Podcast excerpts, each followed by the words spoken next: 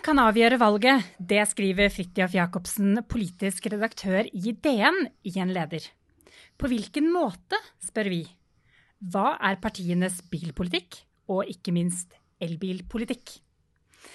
Du lytter til Elbilpodden, en podkast fra NAF om elbil. Jeg heter Anette Berve. Og jeg heter Harald Wisløff. Eh, og eh, vi har altså selvfølgelig da invitert Fridtjof Jacobsen i studio. Velkommen til deg. Tusen takk. Og vi har med vår egen eh, Tor Egil Brodland, som er myndighetskontakt i NAF. Velkommen tilbake, får vi si til deg. Tusen takk. Hyggelig å være her igjen.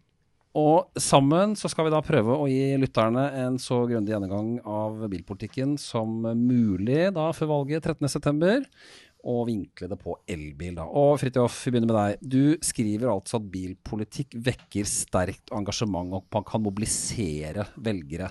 Hvorfor har bilen en slik effekt? Jeg tror fordi for mange, eh, inklusiv meg selv, så er bilen veldig knyttet til livet vårt. Eh, vi bruker mye tid i den.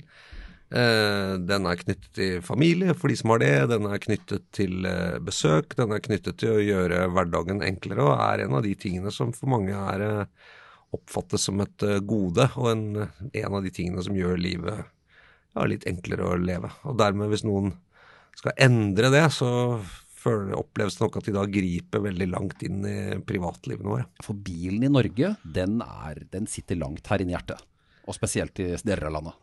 Ja, for mange gjør det det, tror jeg. Altså det eh, Hva var din første bil? Eh, det å kjøpe en ny bil, en ganske stor investering. Eh, men fortsatt liksom eh, Ikke på linje med hus og leilighet og sånt, selvfølgelig, men det er fortsatt liksom et kjøp du, du, det, du setter deg inn i ting. det er, det, det er, noe, det er en identitetsmarkør selvfølgelig for mange, ellers er det definitivt ikke det ikke sant, for noen. og sånn, men, men, mest av alt så tror jeg liksom alt vi Hus og hjem, barn, eh, foreldrene våre hvis de blir gamle, alle de tingene. Det, politikk som på en måte rører inn i det, eh, vil mange reagere på. Det vil bety noe. Eh, og da, da, blir det politisk engasjement ute. Denne lederen din i Dagens Næringsliv er ikke ny. Men, og, og, nå, og, det skjer jo fryktelig mye i politikken her nå. Er, er det fortsatt gyldig, det som står der? Bilen kan avgjøre valg. Kan er lurt ord, vet du, for sånne som meg. det er veldig feigt å ha det i overskrifter. Men Nei, det har, ikke vært så mye snakk om det nå. Men jeg, jeg tror eh, bil For Fremskrittspartiet f.eks. så er nok kampen om bilvelgere eh, kan være avgjørende for om de eh, gjør et resultat som er godt nok til at Sylvi Listhaug, ny partileder, kan liksom komme ut av dette valget med æren i behold. Eh, så det, jeg tror ikke det er tilfeldig at veldig mye av Sylvi Listhaugs valgkamp eh, handler om å plassere seg selv i ulike flotte biler da, med mye motor, og sier liksom at hvis du er mot dette, så uh, er du Ja. Det, det, det, det, tror jeg ikke er tilfeldig. Men Tor Egil, det er absolutt slik at uh, ting beveger seg fort i en valgkampanjetid. Mm. Uh, hva er dine tanker rundt denne lederen? Er den fortsatt da gjeldende nå på det punktet vi er i valgkampanjen? Nei, Jeg mener at vi har sett en, en utvikling det siste halve året hvor, hvor det som var et Eh, en veldig sterk distriktsorientering i politikken, spesielt eh, for eh, rundt et, et lite år siden. Desember 2020 så hadde Senterpartiet en oppslutning på 22 og, og veldig mange partier var nervøse for hva dette betydde. og De begynte å, å få mye mer distriktsorientering i politikken sin. Det merker vi utover våren 20, 20, 20, altså 2021. Og så har Det eh, det som har skjedd de siste ukene, er jo at Senterpartiet har, eh, har mista en del av den oppslutninga de hadde. Den målinga som var på 22 er nå nede på målinger på, på 12% På 22 var eksepsjonelt høyt.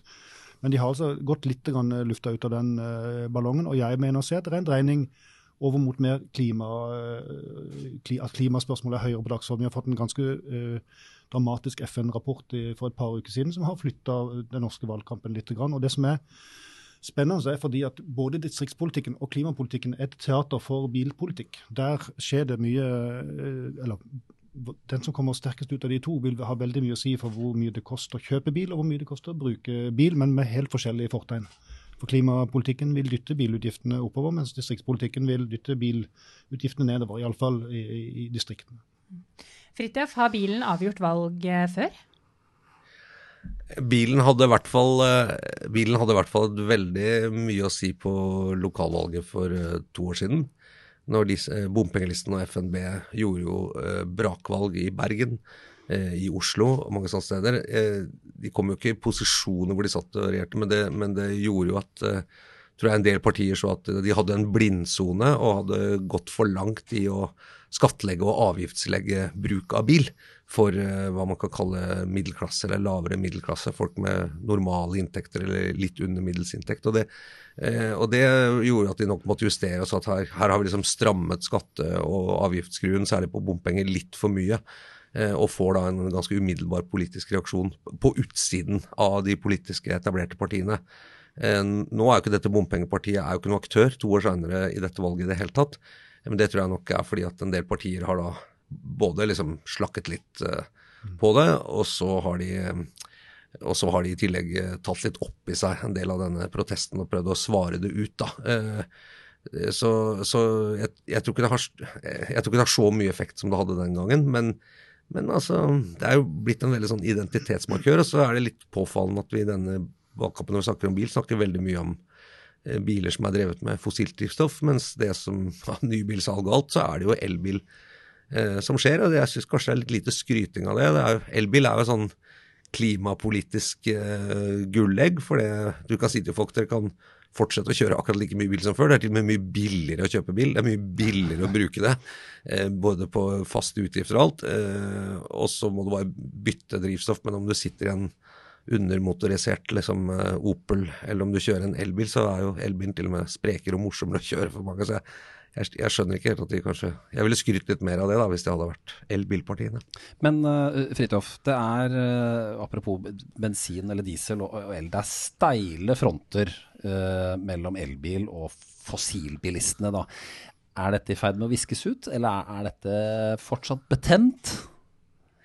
Nei, ja, det er jo ikke så Jeg vet ikke, det er ikke så lett for meg å si. Det kommer litt an på kanskje hvor du bor og hvor gammel du er og sånn, men, men eh, Kommentarfeltet tar jo fort fyr. Ja, men det er klart hvis du er veldig entusiastisk på bil, eh, altså veteranbil, veldig opptatt som motor, motorytelse og sånn, så er det jo klart at det, liksom, opplevelsen av å kjøre en eh, grom bensinbil, da, den er jo fortsatt liksom noe unikt. Jeg har hatt det selv, jeg, og er på el nå. Er, men, men altså, for vanlige bilbrukere, altså som bruker bil som et transportmiddel og vil at den skal virke og er opptatt av minst mulig føss, så, så jeg tror ikke liksom opplevelsen er så veldig annerledes. Eh, så jeg, jeg, tror de frontene Jeg tror ikke de er så steile, men jeg ser jo liksom at nå er det sånn deilig å kjenne lukten av ekte drivstoff og sånn, som, eh, som Sylvi Listhaug sier. Men, men altså, nybilsalget taler vel for seg, da. Tor Egil? Nei, jeg tror, jeg tror, det er en liten konflikt uh, iallfall mellom by og land på dette. og Det ser vi av de målingene som vi i NAF foretar.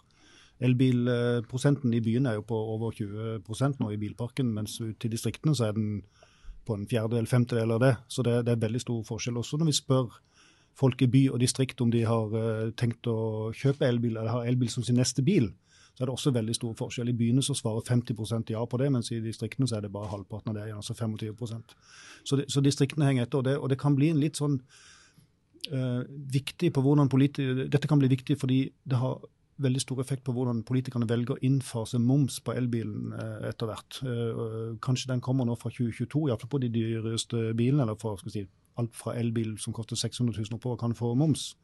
Og Det er klart det er starten på innfasing av moms, som til slutt vil gjøre alle elbilene 25% dyrere. Og de som da ikke har fått seg elbil før det, de vil da få en ekstra eh, regning. Og den vil, eh, sånn som det ser ut nå, kunne bli størst i distriktene. Så det er jo egentlig en distriktsregning som, som det først og fremst eh, vil bli. Og vi ser at Senterpartiet, paradoksalt nok vil man kanskje kunne si, er jo de som er et av de partiene som også mener at man skal begynne nå med, med moms på elbil.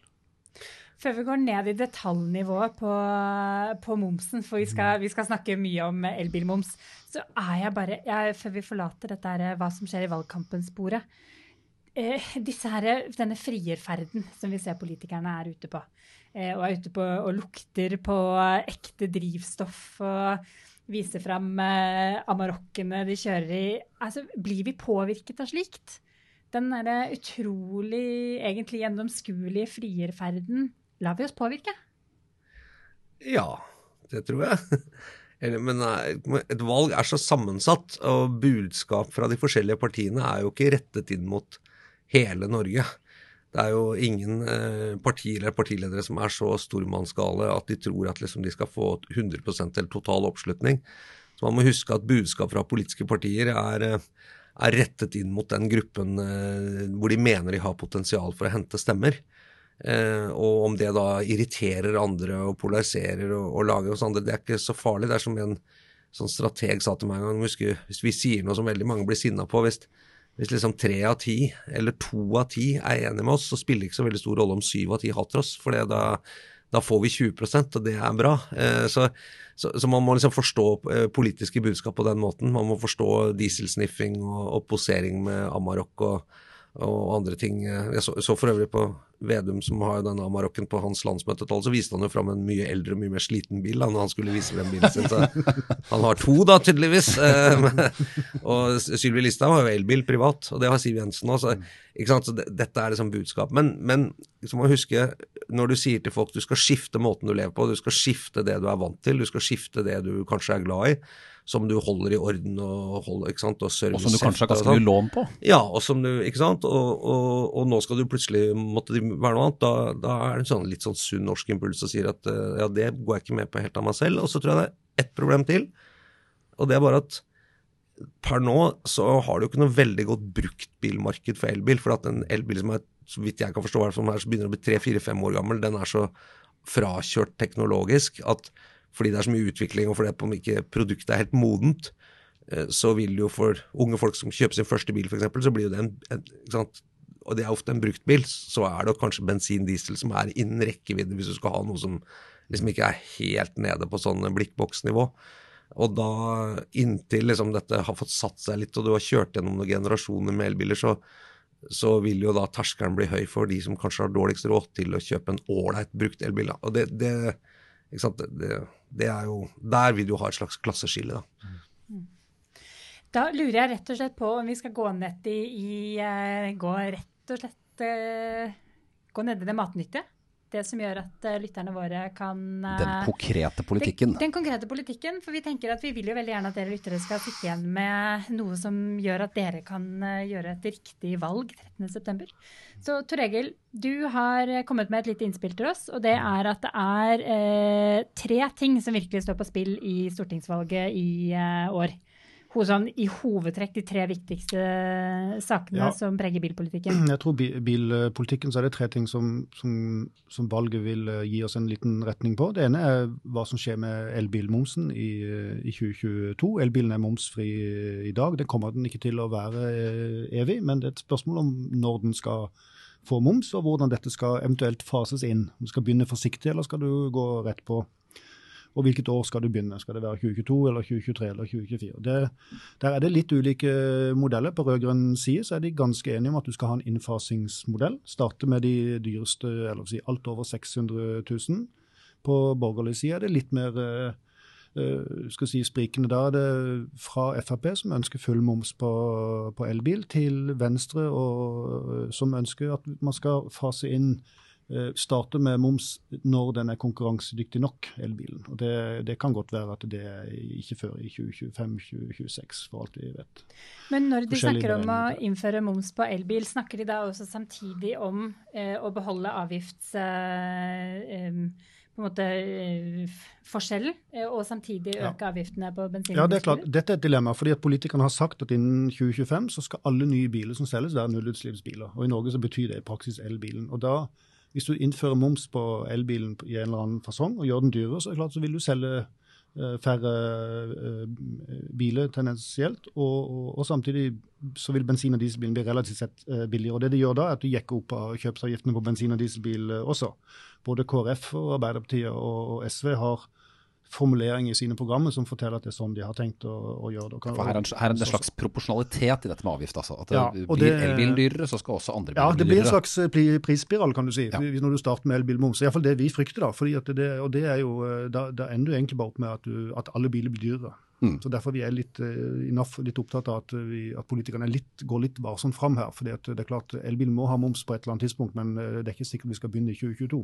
For selv Norge kan ikke unnvære noen titalls milliarder i uh, avgiftslettelser hvert år? Nei, Bilavgiften har sunket fra rundt 70 milliarder i år til 40 milliarder nå i 2021. og det er klart Enhver finansminister, selv Siv Jensen, var bekymra for det når hun hadde en liten runde i 2019. og og ba om innspill på hvordan framtidens bilavgifter skulle se ut, så sa hun at eh, de som hadde tenkt å sende inn høringsinnspill til oss på det, de kan ta ut utgangspunkt i at avgiftene bør ligge på omtrent det nivået de er i dag.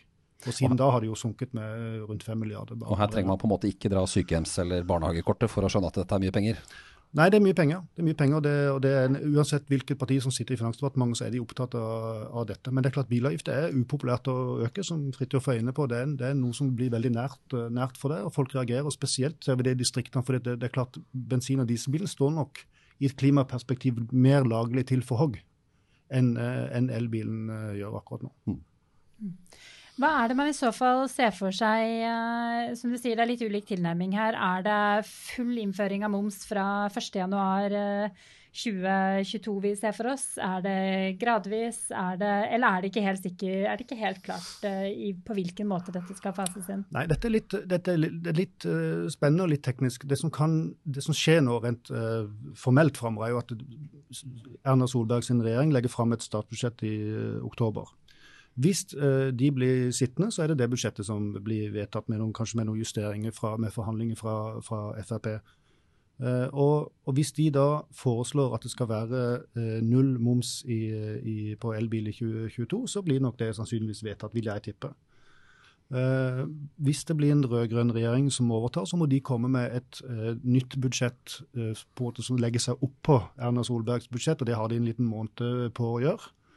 Og det som Marit Arnstad sa, i Senterpartiet sa til oss under Arendalsuka, var at det, hvis eh, Solberg-regjeringa legger fram et forslag uten elbilmoms, så er det ikke sikkert de, den rød-grønne regjeringa rekker å legge på noe moms, starte momsinnfasinga på elbil på så kort tid. Så det, det, er, si, det, er, det mest konkrete vi har fått av, av signalet. Men, men det, er rett og slett veldig vanskelig å, å, vite. For dette er ingen politikere som, og vi har utfordret veldig mye på det, men det er ingen av de som tør være konkrete på det. Og kort regel, drivstoffavgifter, det er også en av tingene som er sentrale her? Ja, og det, det, det som vi ser er jo at det er en, det er en liten, uh, liten, spenning i dette. fordi det er klart alle, Veldig mange partier nå ser at drivstoffavgiftene uh, må opp hvis du skal opprettholde Norges, klare Norges klimamål. Samtidig som du har den distrikts inngangen i dette som gjør at mange partier nå ønsker å kompensere spesielt drivstofføkning i distriktene. Og, på, og, og, og, hvordan dette slår ut, vet vi ikke helt, for partiene er fortsatt ikke helt konkrete på hvordan det skal være heller. Mm. Det er veldig vanskelig, altså. Fordi at eh, drivstoffavgift handler også om transportsektoren, eh, som jo er en veldig stor utslippsgenerator. Altså det er ikke Privatkjøring eh, er på en måte noe annet enn frakt av varer. Som jo er også altså både eksport, men også dagligvarer. Så i dette lange landet så Transportsektoren er jo storforbruker både av diesel og utslipp. Og hvis du skal begynne med en differensiert pumpepris basert på på en måte vanlige mennesker og deres behov i hverdagen, så vil jo hva skal du gjøre med transportbransjen? Da vil jo de kjøre og fylle liksom, trailerne der hvor pumpeprisen er lav. Skal du lage et eget drivstoffregime for det osv. Så, videre. så det er, det er uhyre vanskelig da, eh, i en sånn eh, ikke sant, En lettelse som på en måte er legitimert ved at folk som bor grisgrendt til, eh, ikke skal få en urettmessig belastning i denne overgangen. Eh, er det da egentlig et skjult subsidie til transportsektoren?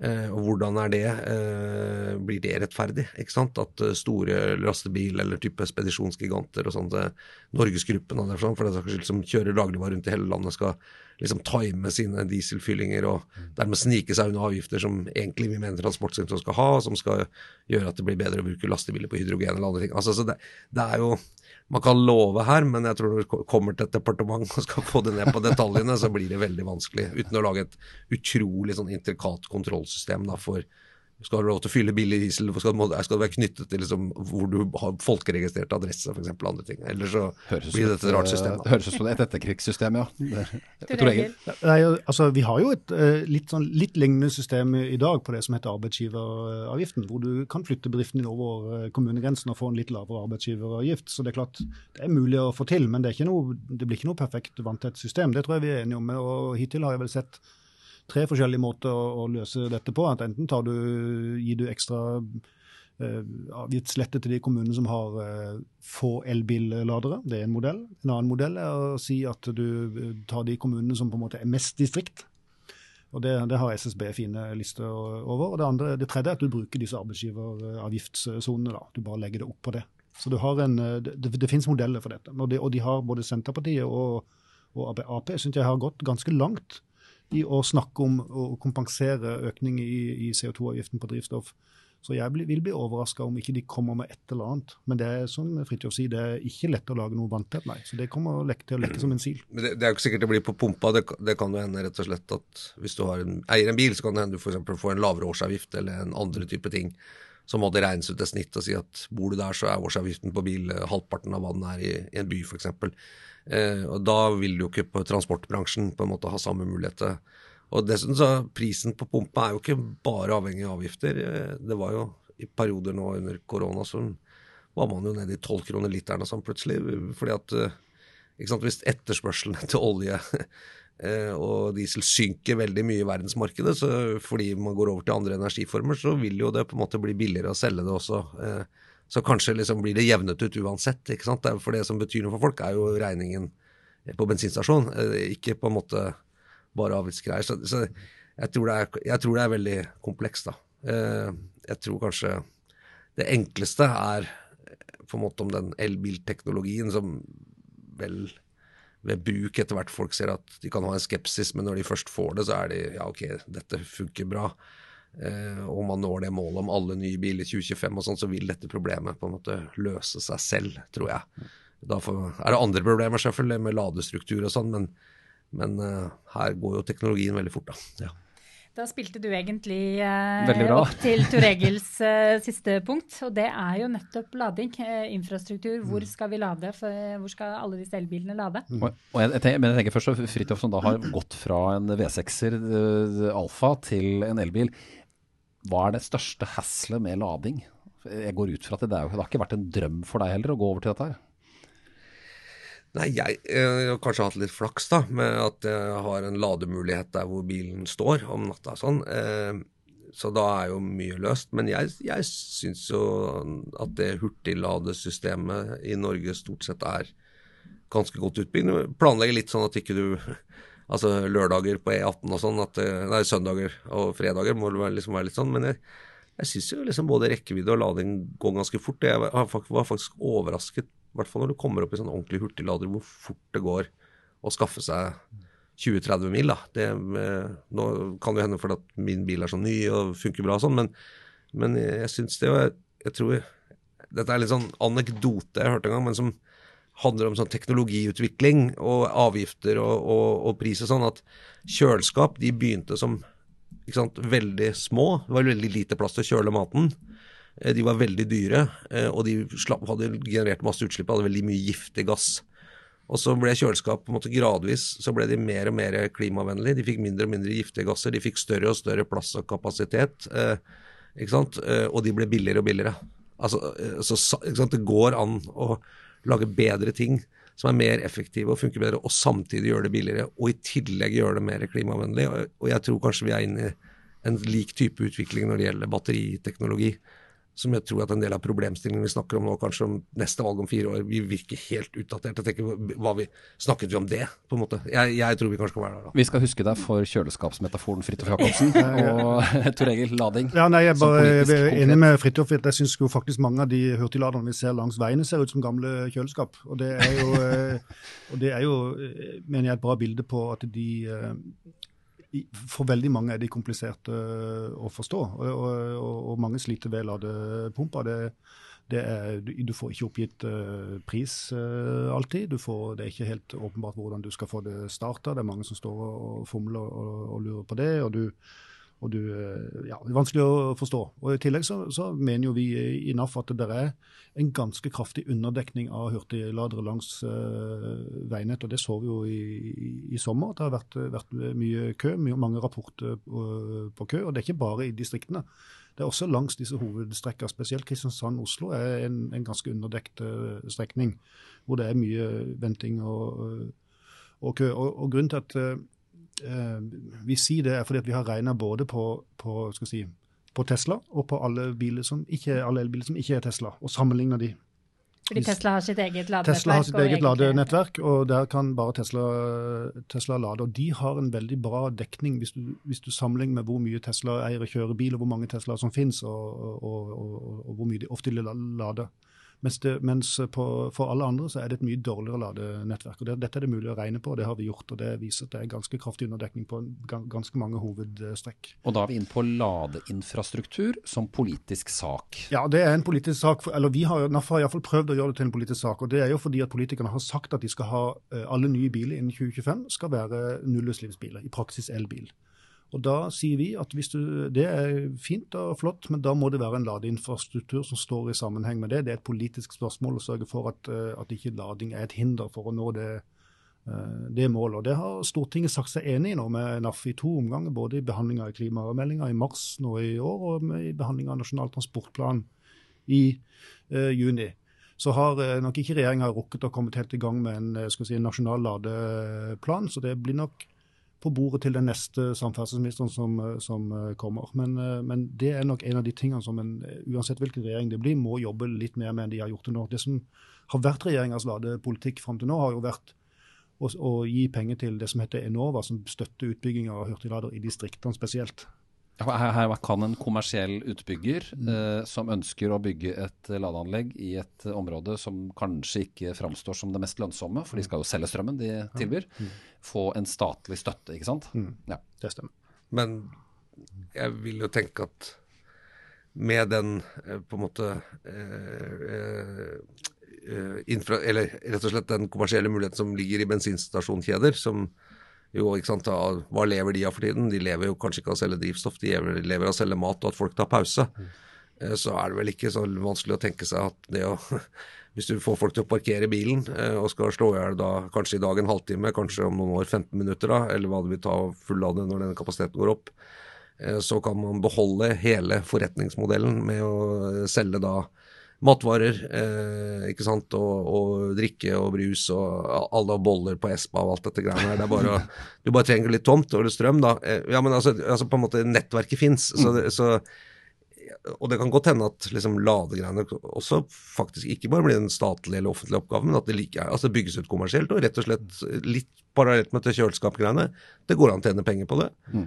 Eh, og det går an å ha masse mersalg på det, og det er et voldsomt initiativ. For hva er alternativet? er jo at de må legge ned hele infrastrukturen sin. ikke sant? Og det, jeg, jeg, jeg, tror det er håp, da. Ja. Pølsa er ikke død. Pølsa er ikke det, men det, det, vi ser at det er jo ulike strategier på dette.